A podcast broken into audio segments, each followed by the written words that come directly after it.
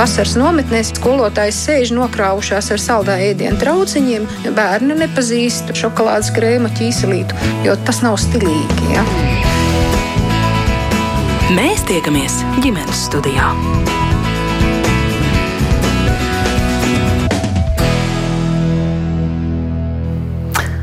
Labdien! Sveiciens visiem rādījuma ģimenes studiju klausītājiem. Mans vārds ir Agnēs Linka, un šī rādījuma producente ir Sarmīta Kolāte. Šodien mēs gribam runāt par bērna patstāvības veicināšanu. Nu, vieniem varētu šķist, ka manam bērnam tās patstāvības trūkst, un izteikti to droši vien tad var just tieši tagad jaunajam mācību gadam un jauniem pienākumiem sākoties, bet citiem varbūt liekas, ka mans bērns tiecas būt pārāk patstāvīgs. Vai tas vispār ir iespējams un kā rīkoties kā vienā tā otrā gadījumā par to visu un, protams, vēl vairāk šai sarunā ģimenes studijā, un šodien ar mums uh, kopā ir šeit uh, klīniskā psiholoģija Sofija Semenova. Labdien! Labdien! Arī psiholoģija psiholoģija, psihoterapijas speciālisti Jolanta Lamstere. Sveicināti! Dien! Un attālināti mums ģimenes studijā pievienojas arī vietnes uzvedība LV vadītāja Līga Bērziņa. Sveika! Labdien! Un kā vienmēr arī jūs klausītājs aicināt pievienoties šai sarunai, ja jums klausoties eh, speciālistu teiktajā rodas kādi jautājumi, pieredzes stāsti, komentāri, tad eh, droši neturiet sveces zem pūra, rakstiet mums no Latvijas radio mājaslapas redzījumam ģimenes studija. Es gribētu sākt ar eh, jautājumu jums visām kopīgi par to, kāda ir tie jūsu novērojumi, cik patiesi un realitātei atbilstoši vispār mēdz būt vecāku spriedumi par to, vai mans bērns ir vai nav gana patstāvīgs. Jo patstāvību es tā aizdomājos, gatavojoties eh, šai sarunai, ir ļoti grūti izmērīt. Tās nav nec eh, atzīmes, nec kaut kādas citas mērāmas eh, spējas, un tas skats uz to varētu būt ļoti subjektīvs. Jolanta, kā jūs teiktu? Es teiktu, tā, ka vecāku novērojumi ir diezgan precīzi. Manuprāt, viņi ļoti nu, labi pazīst bērnus. Vismaz tie, ar kuriem es tiekos, gan tikos skolā, kādreiz gan dārziņā, šobrīd, gan arī konsultācijās. E, tāpēc arī vecāki bieži vien pauž bažas par to, ka vai nu tas bērns ir pārāk maz patstāvīgs, vai arī viņš ir pārāk pārgalvīgs un visu, ko grib darīt pats, un iekuļās visādās dzīves nepatikšanās, jo viņam varbūt trūkst iemaņu, kā, kā atrisināt tās situācijas. Tad daudz krēņu vecākiem ir par to. Viņi baidās. Mm. Bet jā, man liekas, ka vecāki diezgan labi nu, redz to. Nešaujam greizi, vērtējot savus bērnus. Sofija?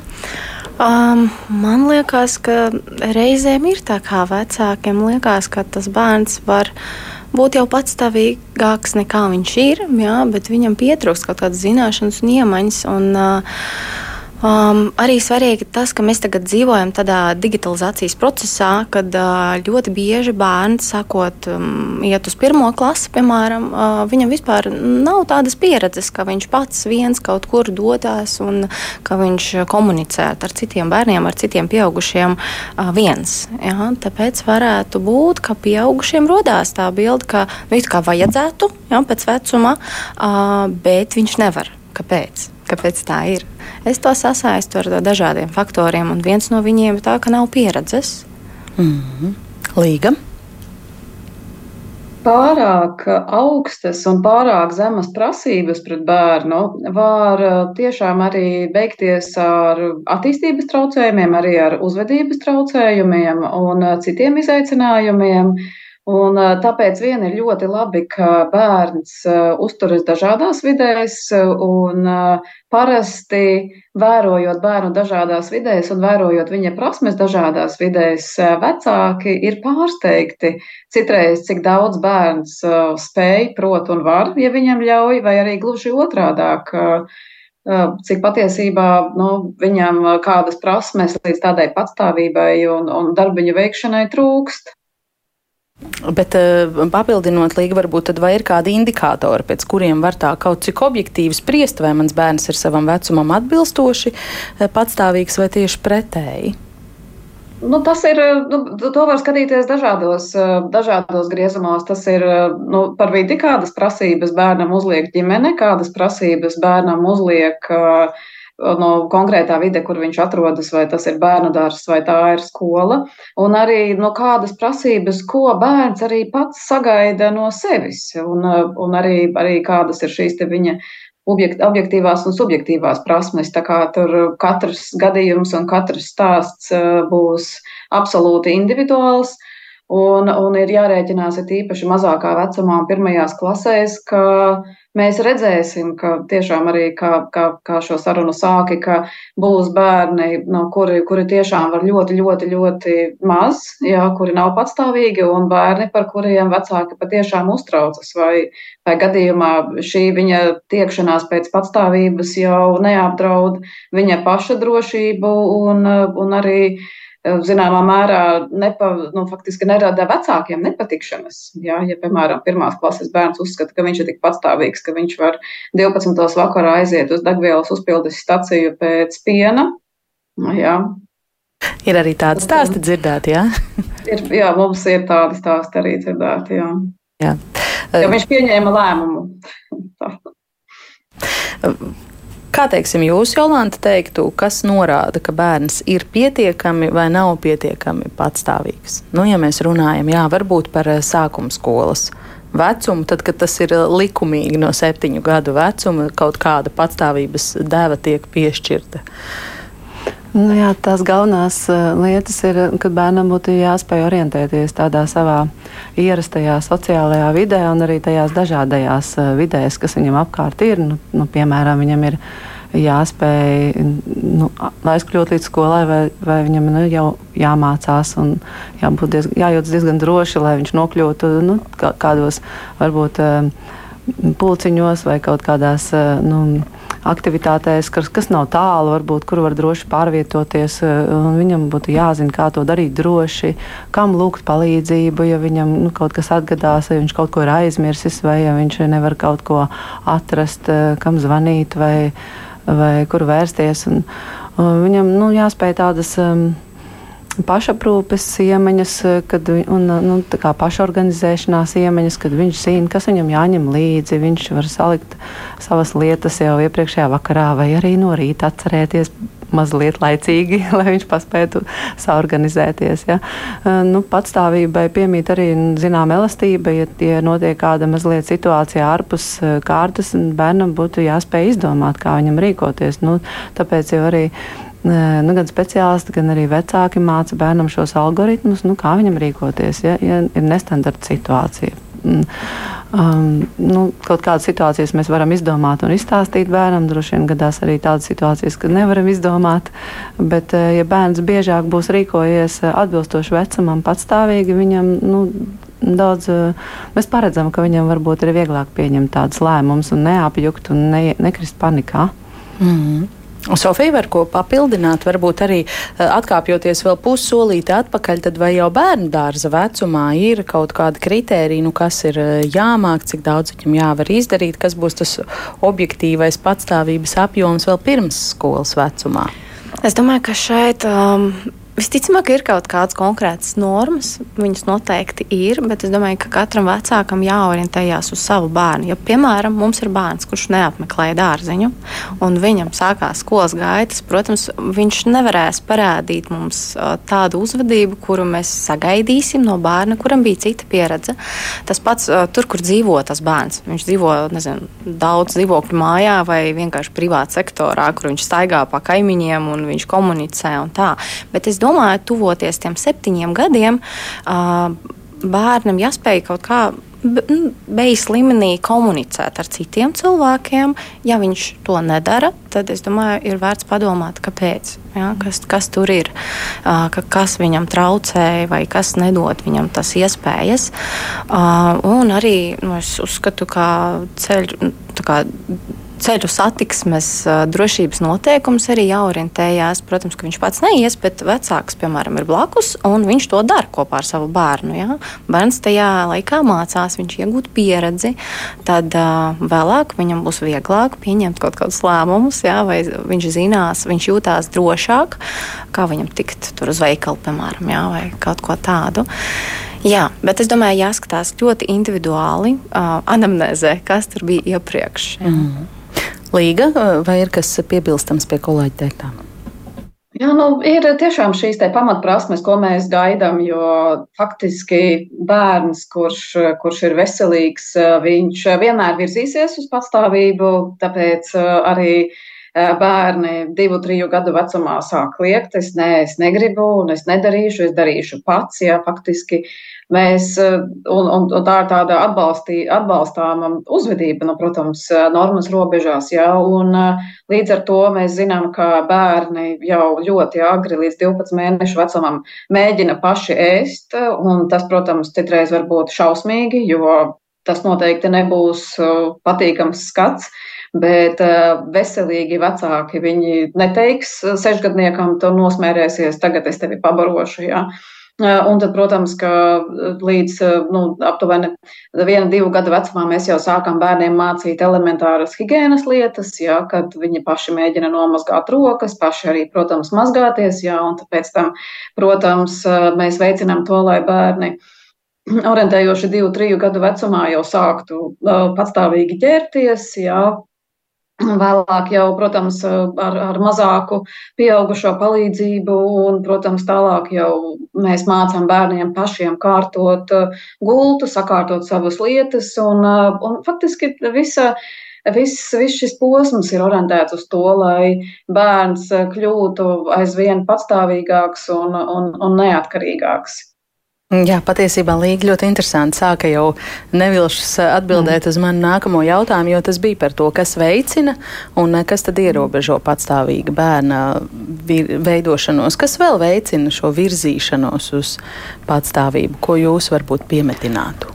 Um, jā, tas galvenais ir, ka mēs. Uh, ļaujam bērnam būt tajā viņa dzīves vidē un ģimenes sadzīvē un visā tajā realitātes telpā, kas ir tieši konkrētā bērna ģimenē, kad uh, mēs atbalstam to, ko viņš grib darīt pats un, un ko viņš prot darīt. Un, ja viņš kaut ko neprot, mēs viņam ļaujam mēģināt un nerājamies un uh, neņemam nost uzreiz. Uh, lielākais ienaidnieks bērnu pastāvībai ir pāraprūpe un pārāk liela sargāšana. Uh, nu, kā pie manis nokļūst vecāki, kur bērniem tur nedod, neļauj negriezt, ne, ne, ne, kaut, kur, ne kaut kur pārvietoties, ne kāpt, ne lekt ne, kādreiz. Jā, un tad, mm, jā, to nedrīkst darīt. Un tad visur viņš tiek aizvests un nolikts un aizbraukts pakaļ. Un tas bērns īstenībā aug tādā ļoti tādā gadījumā ļoti ierobežotā telpā, un kaut kādā brīdī tā paša iniciatīva un tā virzīšanās uz patstāvību apsīkst, jo nav jau vērts mēģināt, ja neko nedrīkstu. Un, uh, tur ir tā, ka vecākiem ir jābūt tādiem. Mm, brīviem un drusku drosmīgiem, ka viņi katreiz pamana to bērnu tie, tiekšanos kaut ko darīt, iesaistīties un atbalsta un rāda, kā labāk, kā, kā to darīt droši, eh, kā mēs to varam darīt kopā, varbūt, ja tā ir kāda tāda varbūt mazliet bīstamāka nodarbe. Uh, un uh, tad bērns tiešām arī apgūst, ja, ja viņam viss ir labi, ir attīstība, tad viņš apgūst šīs patstāvības prasmes.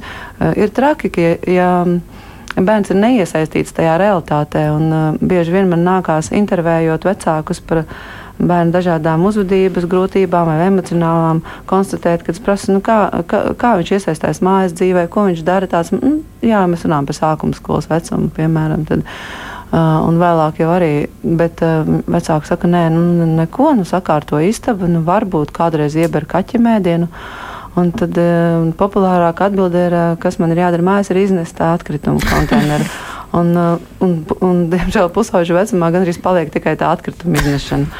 Un, uh, es domāju, ka neviens no mums negribētu būt ne patstāvīgs, ja mums tikai būtu šis atkrituma izvedēja funkcija.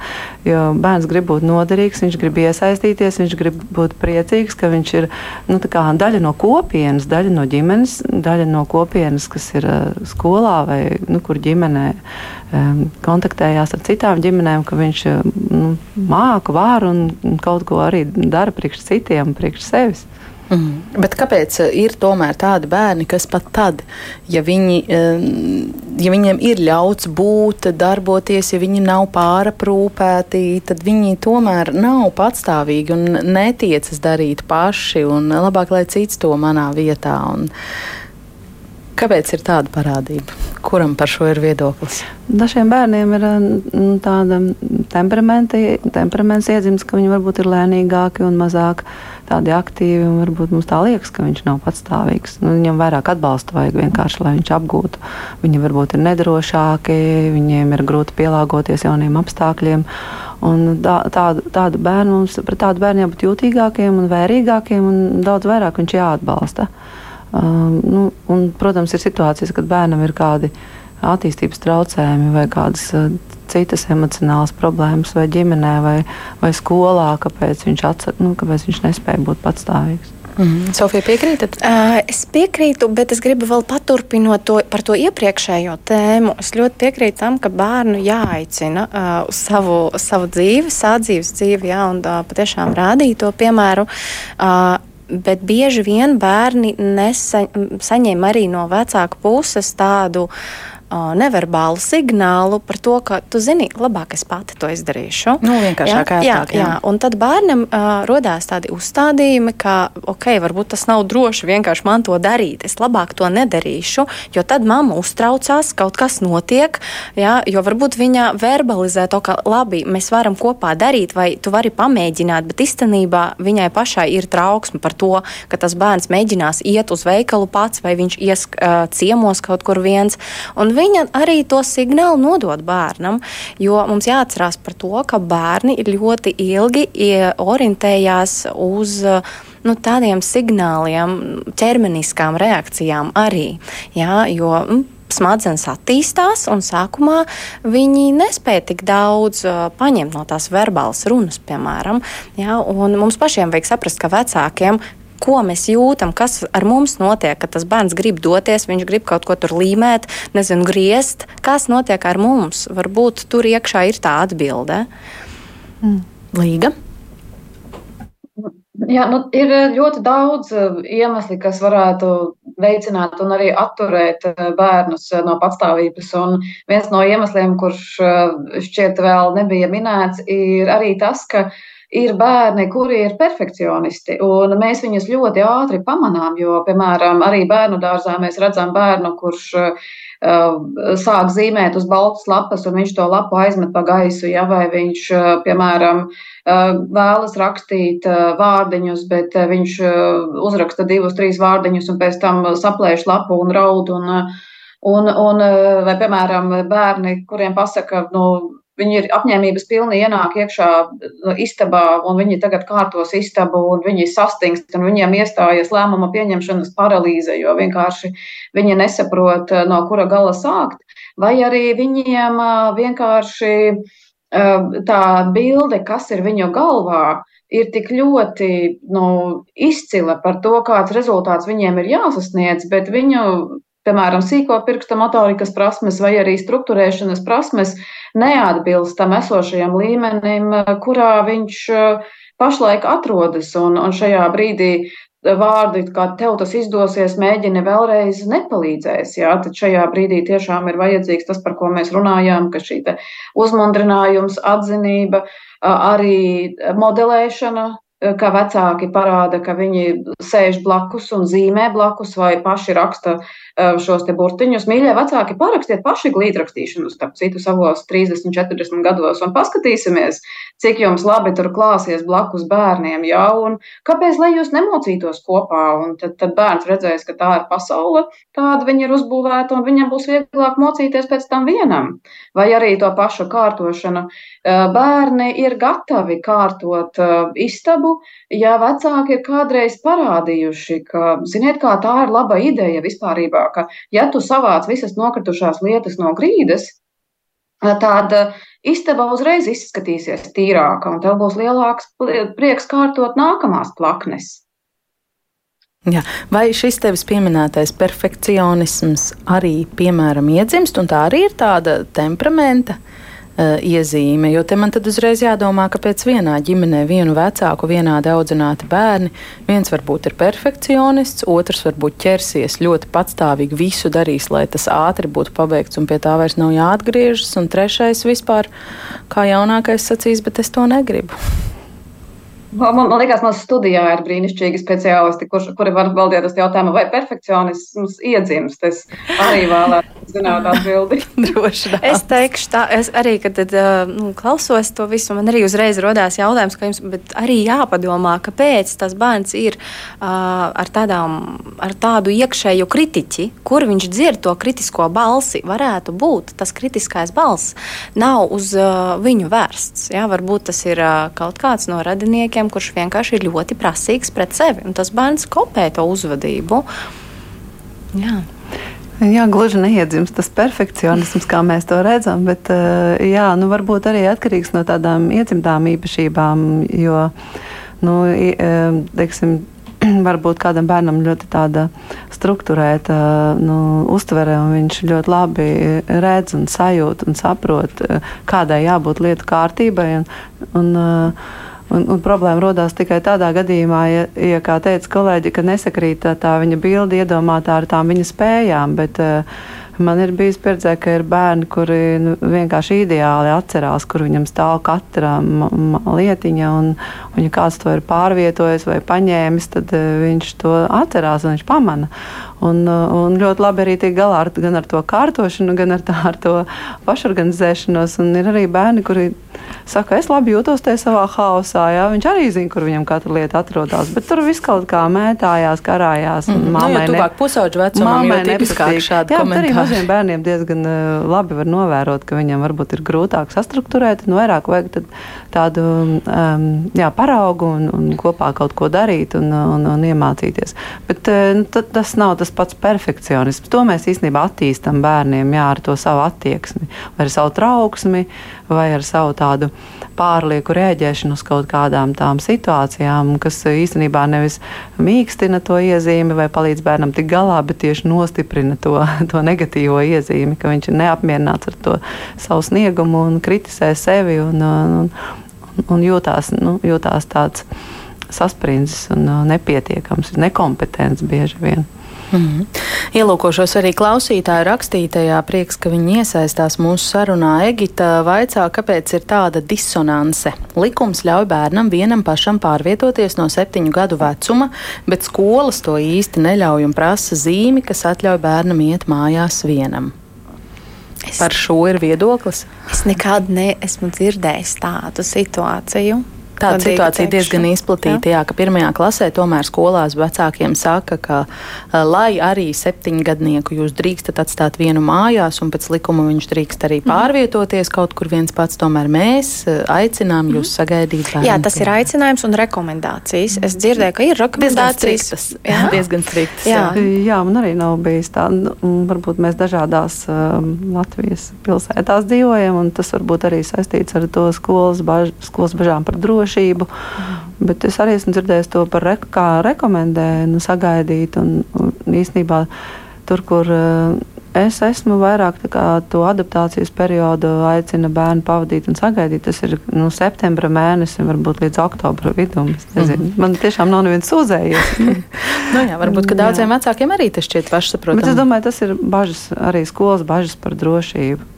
Protams. Mm. Līga par šo ir viedoklis. Jā, te ir tiešām es aicinu mīļie vecāki, tīpaši adaptācijas laikā, nu, izturēties iecietīgi pret šo skolas prasību, jo tāpēc, ka ir tiešām bērni, kuri patstāvīgi pārvietojas vieni arī sabiedriskajā transportā, bet, diemžēl, mūsu pieredze rāda, ka ir arī tādi vecāki, kuri, piemēram, bērnu vienmēr ir veduši tikai pie rociņas un vienmēr ir kā, iekāpjam transportā, izkāpjam, un, un viņi neko nav skaidrojuši. Un tad vienā dienā pasaka, hei, klausies, tev ir septiņi gadi, vai, piemēram, tu ej ceturtajā klasē tagad, un tu esi liels, un tagad tu iesi viens pats.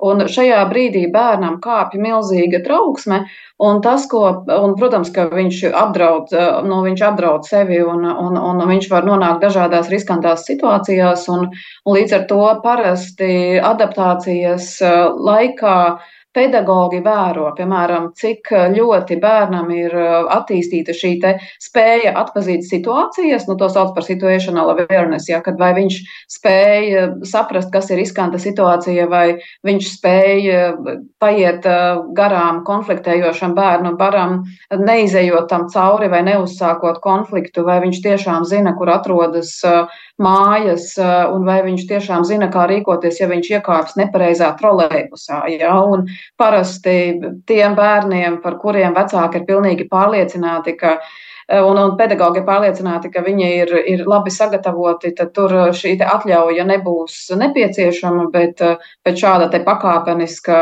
stingrības samazināšana patiešām ir, lai uh, samazinātu pašvaldības un valsts policijas darbu, meklējot bērnus pa iekšpagalmiem vai pa Rīgas centru. Nu jā. Lūk, arī Oskars raksta, mans desmitgadīgais puika pats pēc skolas ar sabiedrisko transportu 30 km brauc uz hokeja treniņu. Es mobilī nopērku viņam biļeti, pārsūtu Vācijā un pats pēc darba viņu no treniņa eh, savāc. Bet tas jau ir desmitgadnieks, un te jau droši vien būs tā atšķirība ļoti liela, vai cilvēkam ir septiņi gadi un nu pat uzsāktas skolas gaitas, vai viņam jau ir ne, desmit. Jā. Ieva arī raksta, ka skolotāja bērnu nelaiž pašu. Ja es kā vecāks gribu, lai bērns nāk pats mājās, man jāraksta zīme un nevienu neinteresē, ka nav jābrauc ar sabiedrisko transportu un dzīvojam netālu. Nu, tāda tā realitāte. Jā. Mm. Ilze vaicā, viņas rakstītais ir garāks stāsts, kādas metodas pielietot, lai risinātu sistemātisku problēmu situāciju, kad bērnam 11 gadu vecumā ir nepieciešama pastāvīga skubināšana, lai uzsāktos ikdienas procesus novirzīt līdz galam. Ja neskubina, tad nekas nenotiek. Sākot ar istabas kārtošanu, mācību sagatavošanu, vakara mazgāšanos, gulētiešanu un tā tālāk. Ja atstāja paša ziņā, tad tas viss ievelkas, pārsniedz jebkurus laika limitus, bet ja skubina, tad tas pārsvarā beidzas ar konfliktiem. Jo skubināt nepatīk ne vecākiem, ne pašam bērnam. Esam mēģinājuši visādi, bet rezultāta nav. Piemēram, iet mazgāties dušā, bet nevis sāk mazgāties un pabeidz, bet sāk spēlēties ar ūdeni, putām, gan arī stundu bezgalīgi un tā tālāk. Un tā ir ar visu. Uz ko vajadzētu vērst uzmanību, lai šo situāciju mainītu vai uzlabotu? Es domāju, tas ir jautājums par bērnu koncentrēšanas spējām un par viņas kognitīvo attīstību. Kas ar viņu notiek? Kāpēc viņš nespēja to darīt? Ja, mēs nevaram visu laiku stāvēt bērnam blakus un kontrolēt viņu tas nekad nebeigsies labi.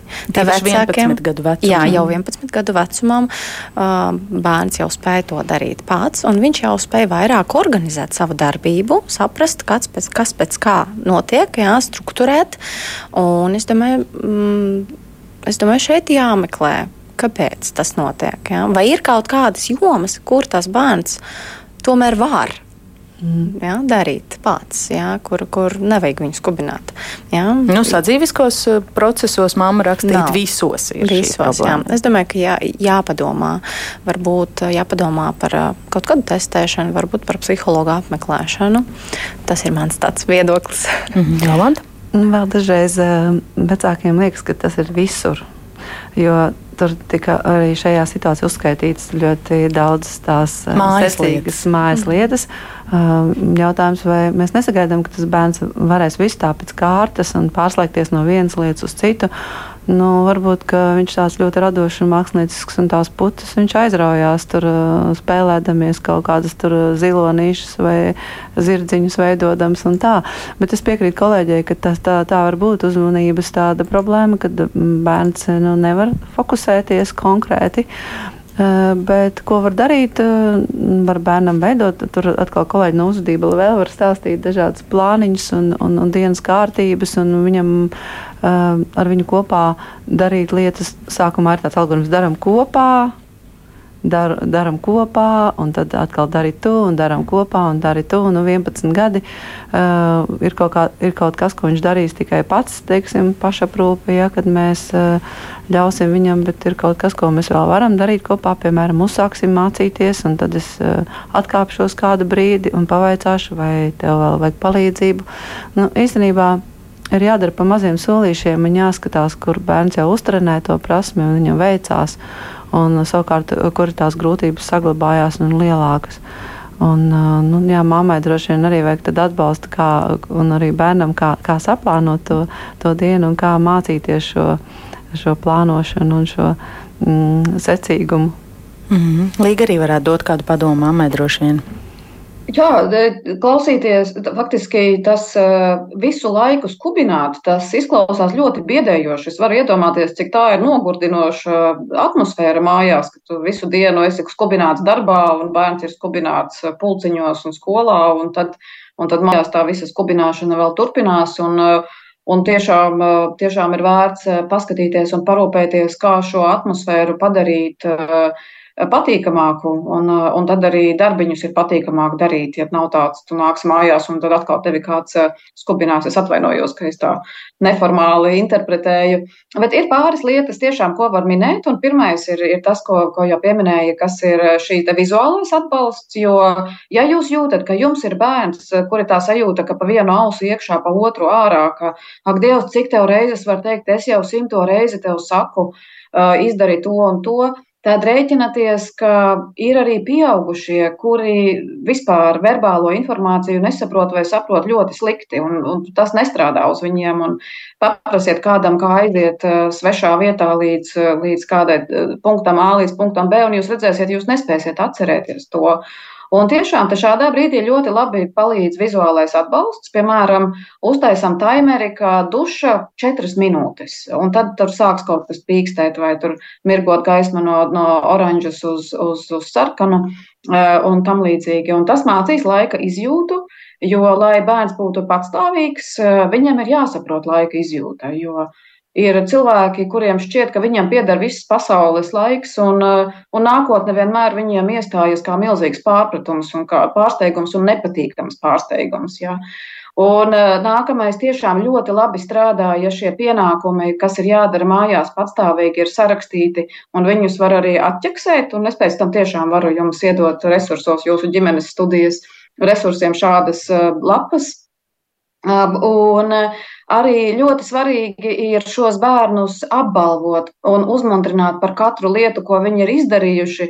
It īpaši, ja šie bērni, ir, kuriem pašiem sevi grūti strukturēt, viņi dzīvo tādā mūžīgā skubināšanas un pārmetumu fonā, tad, tad tiešām ir svarīgi, svarīgi viņiem uzslavēt par katru lietu, kas viņiem izdodas.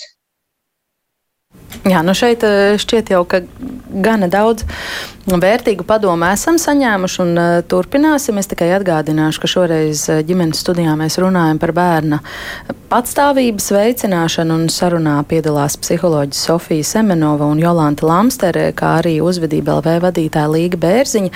Šobrīd mūsu sarunai piepulcināsim arī kādu māmu, vēl kādu māmu, kura gan pati atzīst, ka ir audzināta, tā teikt, veicinot patstāvību, gan pati arī šobrīd to uzskata par tādu būtisku faktoru miedarbībā ar saviem trim bērniem. Paklausīsimies Bābes stāstu. Es augu kopā ar mammu. Mamma audzināja viena. Tad tajos uh, 80. gados bērnus gan droši, īpaši, ja bija kaut kur tuvumā vēl draugi, draugu vecāki, tad atstāja īstenībā mājās ar uzdevumu sarakstu, starp citu. Ja man pamostoties, piemēram, kad man bija 6, 7 gadi, mamma bija aizbraukusi uz darbu. Viņa man bija atstājusi tādas sarakstiņu, kas man ir jāizdara, mazus darbiņus nu, tur aiziet pēc dažām lietām uz veikalu. Atceros arī, ka mums bija dārsts, un tad uz to dārzu vajadzēja aiziet kādu vādziņu izravēt arī. Viens no tiem uzdevumiem bija, un um, tādā veidā tā, tā pastāvība arī ir nu, attīstījusies. Tāpat mēs diezgan daudz braucām arī uz orientēšanās sacensībām. Jā, reiz bija tāda situācija, kad man vajadzēja braukt kopā ar citiem pieaugušiem cilvēkiem atpakaļ uz Latviju, un tās sacensības bija ārzemēs. Mamma palika ārzemēs uz vēl dažām sacensību dienām.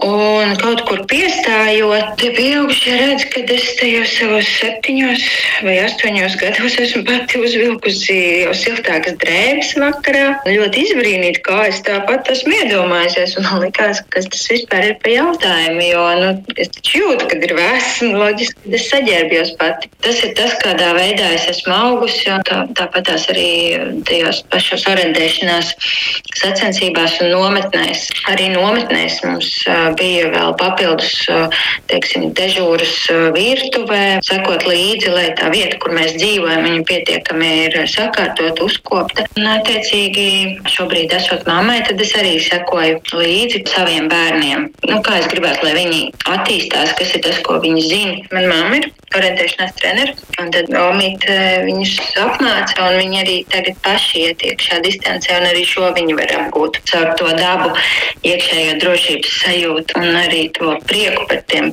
atrastajiem kontrolpunktiem, mazajiem sasniegtiem mērķiem. Arī jā, to viņi var dabūt. Šorīt pat es, katru rītu viņiem palūdzu, lai viņi izkrāmē trauku mašīnu un uh, iekrāmē atpakaļ netīros traukus, kas ir uh, nu, būtībā savs brokastu trauks, lai viņi paši ieliek atpakaļ vai pusdienu vai vakariņu traukus. Un es uzdevu jautājumu, vai viņi zina, kādēļ viņiem to prasu. Tad man vecākais dēls teica, nu, droši vien tāpēc, ka tas līkums, tāpēc, ka tu gribi mums iedot papildus naudu, vai mēs esam nopelnījuši to mūsu kabatas naudu nedēļas. Es jautāju, varbūt ir vēl kas, nu, varbūt tāpēc, ka, lai mēs vēlāk esam li lielāki, lai mēs zinātu, kā tas viss strādā un kā tas viss darbojas. Nu, tieši tas ir arī tas mērķis kad es esmu diezgan arī teikusi, nu, ja nu gadījumā kaut kas ar mums ir teikt, notiek, es zinu, ka es esmu droša, ka jūs esat uh, savā vecumā atbilstoši gatavi nu, dzīvē, ka jūs protat uh, par sevi parūpēties, kaut ko sev uztaisīt ēst aiz sevis savākt. Tāpat tās arī, nu, piemēram, viņi māk peldēt, pamazām arī seko līdzi, jau mācās arī, teiksim, kā rīkoties ar savu to iedoto kabatas naudu. Vecākiem bērniem ir 12 un 9, un viņi jau var paši arī aiziet uz veikalu un iegādāties arī pārtiku, piemēram, paņemt ķeku.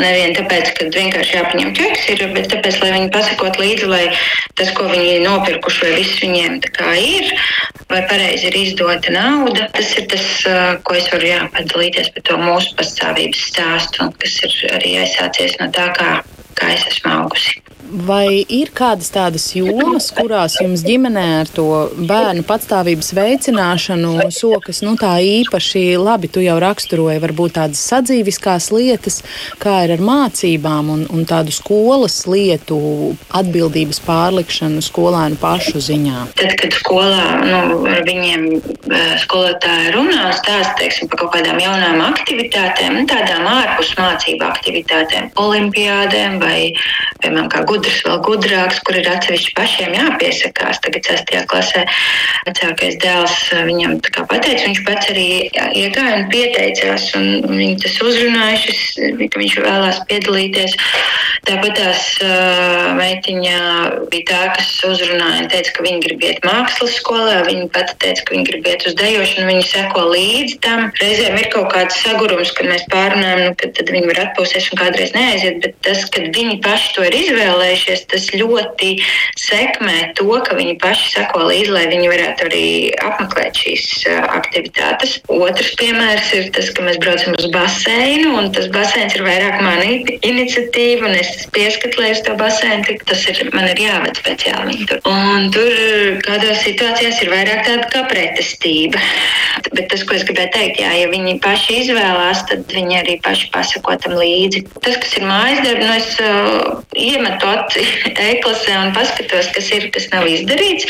Protams, reizēm gadās, ka kaut kas ir aizmirsies, un nu, bieži vien, teiksim, uzdevumi, kas ir uh, uzdevumi LV līdz astoņiem, ir jāizpild uzdevums, un kaut kur astoņos un piecās cilvēkam ir oh, vajadzētu šito izdarīt. Un tad mēs atstājam, kā ir, un tad, lai palūdzam, kā mēs to situāciju varētu risināt. Tas, ko vēl es esmu ar bērniem pārnēs, ka skola nav par būšanu perfektam un, un vienmēr superpareizam, bet par to, ka caur skolas mācībām mēs mācāmies dzīvi, un kad ja kaut kas neizdevās, tad ejam un risinam, ejam pie skolotāja un, jautājam, ko es varu darīt, lai šo labotu. Īpaši, kad uzsāk skolu, tur ir, ir vajadzīga atsevišķi pieslēgšanās, lai mēs viņam to drošības sajūtu iedot, ka viņi nav vieni ar to skolas pieredzi. Tur, man liekas, viņi arī iegūst to drošības sajūtu, ka tas vecāks tomēr pasako līdzi. Un tad kaut kādā brīdī, nu, es pieļauju, ka tad, kad tā skola jau ir, ja tā var teikt, ieskrējusies kaut kāda otrā, trešā klase, un drusku palaist brīvāk, un ne visur visu laiku, teiksim, tur ik uz soļus sekot līdzi. Pašam sajust vecākam, kad drusku sākt palaist vaļā un arī nu, to savu kontroli. Atļaut viņiem pašiem uzņemties atbildību par to, varbūt kā atļaut kā kļūdīties un tad redzēt, kādas tad ir tās sekas.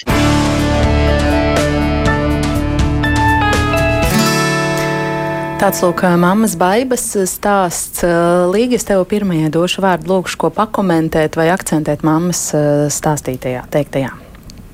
Jā, brīnišķīgs stāsts, un paldies par dalīšanos, jo šie ir tie spēki stāsti, kurus patiešām ir, ir svarīgi dzirdēt un, un zināt, ka, ka tādi pastāv, un, un tas ir iespējams, un, un tas ir iespējams īstās ģimenēs, nevis ģimenēs, kas dzīvo grāmatās vai Instagramā. Uh, Un tad, tad noslēgumā eh, man tādas, tāds viens varbūt padoms, ko ir vērts pašiem vecākiem tādu testu veikt, ir, eh, ka paskatieties, kā jūs runājat par bērnu. Jo, ja jūs bieži dzirdat, ah, mēs aizmirsām tur grāmatu ielikt, ah, mēs tur, tur sporta tērpu neielikām vai neizmazgājām, jo vairāk mēs dzirdam, ka mēs eh, runājam, eh, mēs tajā vietā, kur ir jārunā, tā kā, hei, klausies, kur ir tavs sporta tērps, hei, klausies, eh, kas notika ar to tavu grāmatu, hei, kas tur notika, kas īsti nokavēja. Mēs nokavējām skolu, vai tu šorīt nokavēji skolu?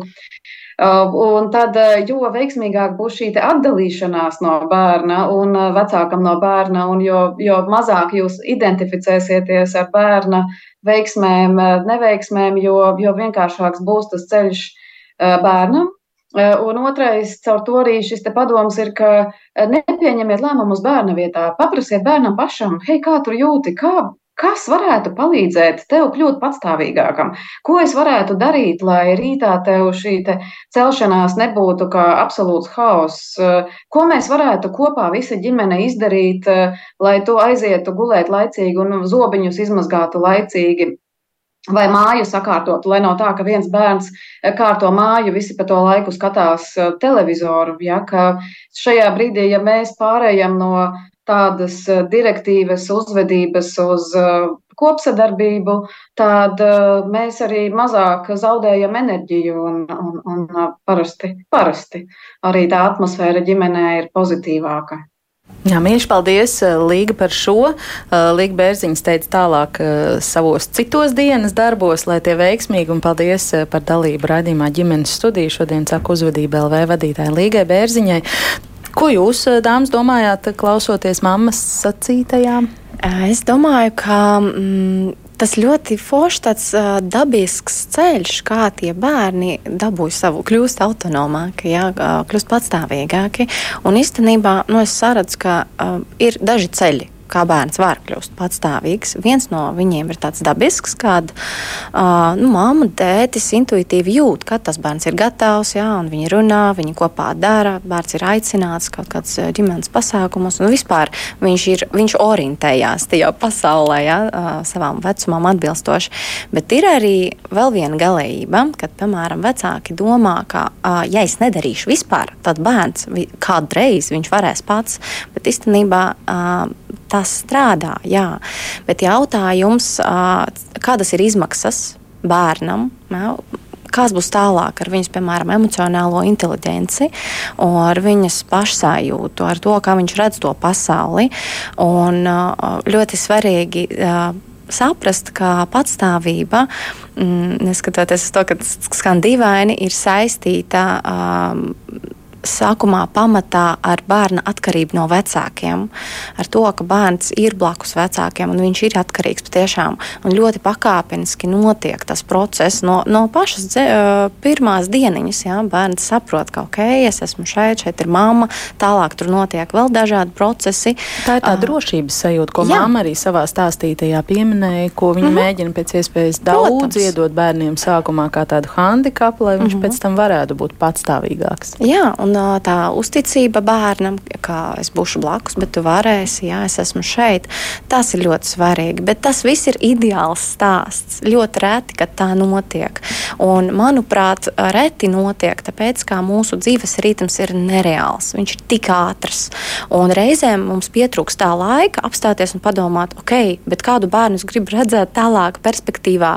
Nevis tagad, kad man ir ērti, lai es viņu tur apģērbu, ātri, ātri pabaroju un mēs tur braucam tālāk. Bet perspektīvā, nākotnē. Un es domāju, ka nu, jāpadomā par to šodien. Mm -hmm. Es vēl gribētu, lai tagad vai pēc mirklīša jūs arī nokomentējat to, jo Sofija pieminēja, uh, ir mamma un tētis, un te brīdī es atcerējos, ka es daudz domāju, gatavojoties šai sarunai, ka mammas bieži vien ir tās piesardzības mm -hmm. kareives vai uzturētājs vai kultivētājs, un tēti ir tie iedrošinātāji, un tur arī ir kaut kāds, uh, nu, balans jāatrod. Viens no mm -hmm. vecākiem ir tāds, kurš baidās ļaut lekt, skriet, griezt vai cirst vai braukt ar sabiedrisko vienam pašam, un otrs, kurš uzskata, ka tam tā ir jānotiek. Un tur arī starp vecākiem var būt uh, liela disonance jā. viedokļu. Nu jā, bet, ja mēs skatāmies no tāda garīgo uzdevuma viedokļa, tad uh, bērnam tāpēc ir divi vecāki mm, no dabas doti, kad mamma īstenībā ir sargātāja vairāk un, uh, un, un tāda. Um, tā, kur, pie kuras var saņemt atbalstu un tādu beznosacījumu mīlestību. Un, un tēta, tēta uzdevums ir tāds garīgais to bērnu iemestai sociumā un norūdīt un iemācīt izturēt un nebaidīties un pieņemt izaicinājumus. Bet tas, protams, nav, nav tā pateiks, ka tas jādara mammai un tas jādara tētim, bet, nu, tā kā, ka, jā, pieaugušiem šajā ziņā ir jāatrod tas līdzsvars. Protams, ka kādreiz ir arī otrādāk vai, vai vai dažādās situācijās ir dažādi, bet kopumā ir svarīgi, ka mēs arī nepieprasām no, no otra vecāka, ka viņš dara tieši tāpat kā es. Mēs, Bet es tā gribētu. Jā, jā mēs taču zinām, kas manam bērnam ir vislabāk. Jā, mums ir jāvienojas, ka mums abiem jāzina, kas mūsu bērnam ir vislabāk. Nu, nevis, ka to zina tikai viens. Bet uh, komentējot vēl mm, mammas stāstu, brīnišķīgs stāsts. Un, un es pamanīju, ka viņa daudz atsaucās uz savu pieredzi. Tā arī ir. Jo tas bija tas, ko es sākumā lūdzu viņai pastāstīt. Jā, jā jo, jo, jo mēs izmantojam intuitīvi tieši savu pieredzi. Ne jau tās grāmatas, ja mēs meklējam kaut kādas atbildes grāmatās, tad mums kaut kas neizdodas. Mums liekas, ka kaut kas nav tā kā vajag. Bet, bet mēs lietojam savu pieredzi, kāda ir bijusi mums, un ja tā ir bijusi tāda gana pozitīva, tad īstenībā diezgan, kā kolēģi saka, dabiski notiek tāda patstāvības veicināšana, nodošana. Uh, Uh, un, bet ir tā otra situācija, ka tā pieredze ir negatīva, vai nu, vai nu vecāki ir piedzīvojuši kādu uh, nu, traumatisku vai pārāk. Uh, viņiem ir bijis pārāk daudz nu, jāstrādā vai, vai jāpakļaujās pieaugušo gribai, vai, vai skolā, vai mājās, ģimenē. Vai savukārt viņi ir piedzīvojuši, ka pret viņiem ir bijusi tāda liela vienaldzība un ka viņiem ir pārāk agri jāuzņemas patstāvība, ja tur rūpes izteiktas par jaunākiem bērniem vai par vispār saimniecību vai ģimeni, vai pat arī šobrīd ir tādas situācijas, ka pat par naudas pelnīšanu, nu, lai varētu atnākt uz skolu. Un, un, un tad, ja vecākiem ir šī negatīvā pieredze, un viņi pat vēlās, lai ir labāk bērniem, bet viņiem tā kā reizēm sanāk iebraukt vienā vai otrā grāvī, tad vai no es tā nekad bērnam nelikšu neko darīt, jo man bija tik smagi. Ja? Un tad viņš sargā tos bērnus ļoti stipri. Ne, nekas viņam nav jādara, lai tikai mācās. Galvenais tev ir jāmācās, tev nevajag pilnīgi neko darīt. Un tas atkal nestrādā. Tur eh, neveidojas tā, eh, tā harmonija tajā visā procesā. Nu, vai otrādi, ja, kad uh, jo vislabāk tiešām ir, kad, eh, kad vecāki ir paraugs, viņi darbojās kopā. Un, un, un kad ģimene labi saprot savu vērtību sistēmu, ja, un caur to vērtību sistēmu mm, darbojās kopā ar bērniem. Eh, kādreiz bērniem ir grūti uzsākt skolas gaitas, un tā nedrošība ļoti izpaužās, jo vecākiem ir šī traumatiskā pieredze. Un eh, pieminot jau to neverbālo, ka mamma saka, es taču gribu, lai viņš iet uz skolu. Un kāpēc viņš tur raud visu dienu, vai, vai neiet pa durvīm iekšā, vai neko pats nevar izdarīt? Es taču veicinu, es vēlos, es gribu, es visu kaut ko daru, nestrādā, nekas nepalīdz. Bet uh, mammai tā sajūta, kad viņa parunā, ka, oi, tā skolotāja bija briesmīga, oi, tajā skolā man tur darīja pāri, un viņš iet tajā pašā, tieši tajos pašos gaitiņos, dažreiz ir arī tā. Un saka, tas bērns jau jūt, ka jūs viņu vedat uz tādu briesmīgu vietu, kur, kur laikam nemaz tik droši nav. Mm. Vēl dažas minūtes atlikušas. Es gribu pavaicāt arī par vienu aspektu, kas ieskanējās māmas stāstītajā sports ka ir, nu, mhm. piemēram, viņas ģimenē šis mhm. konkrētais sporta veids, treniņu nometņu apmeklēšana, kas ir veicinājusi patstāvību vaipas gadījumā orientēšanās, bet arī nesen runājos ar kādu pirmklasnieku māmu, kas teica, ka pavasarī viņa bija ļoti nobežījusies par savu puikas eh, spēju rudenī un to briedumu tiešām un patstāvības trūkumu, lai uzsāktu skolu, ka viņa speciāli sameklēja vasarā futbolu dienas nometnes, dienas, ne jau tur uz nedēļu vai kā, bet nu, dienas nometnes, lai dēlu rūdītu šādos kaut kādos tādos nu, bišķiņu ārpus.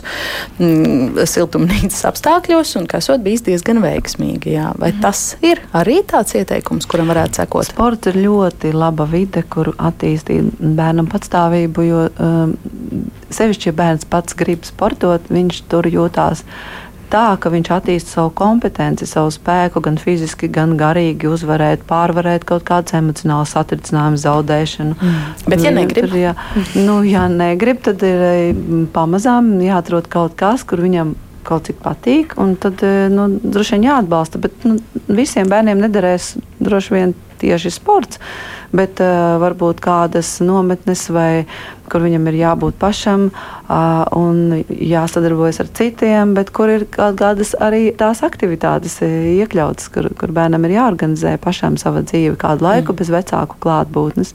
Tas ir ļoti veicinoši. Mm. Sofija? Jā.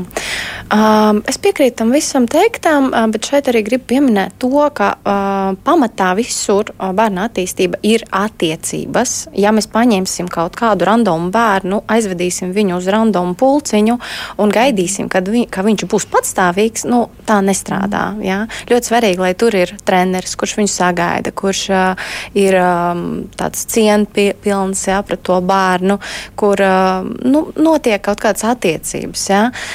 Tāpēc tā rekomendācija ir ļoti forša un ļoti bieži ir dzirdēts, ka jā, tie pieaugušie, kuriem bija tas kaut kāds nopietns sports, ka viņiem bija tā struktūra, jā, ka viņi ātrāk ir kļuvuši patstāvīgi, bet es domāju, ka tas nav garants.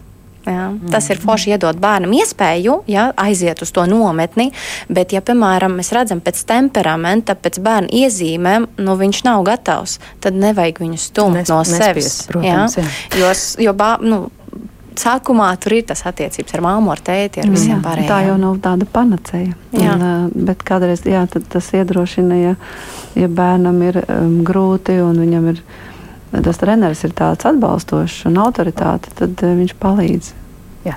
Paldies! Es gribētu noslēgt ar kādas mammas rakstīto komentāru, jo viņa tiešām ir arī savu pieredzi brīnišķīgi aprakstījusi. Sieva saka, ka, ja noteikumi ir konsekventi un vienkārši mēneša laikā izstrādājas ieradumi, skolas darbiem jābūt izdarītiem līdz konkrētam brīdim, somai uz nākamo dienu saliktai, dienas grāmatai sarakstītai, drēbēm saliktām, ja līdz tam brīdim nav jāķeras klāt uzreiz un bez atlaidēm. Mājas darbi jāsāk pildīt dienā, kad tie uzdoti, nevis iepriekšējā vakarā, kad jābūt izdarītam. Mājas darbi ir darām visiem, jo māja ir mūsējā putekļu sūkšana, trauku mazgāšana, vannas izberšana, vakara rutīna, zobi, dušas, pidžamas nav apspriežama. Laiks ūdenī pagaidām gan netiek limitēts, jo tas arī relaksē.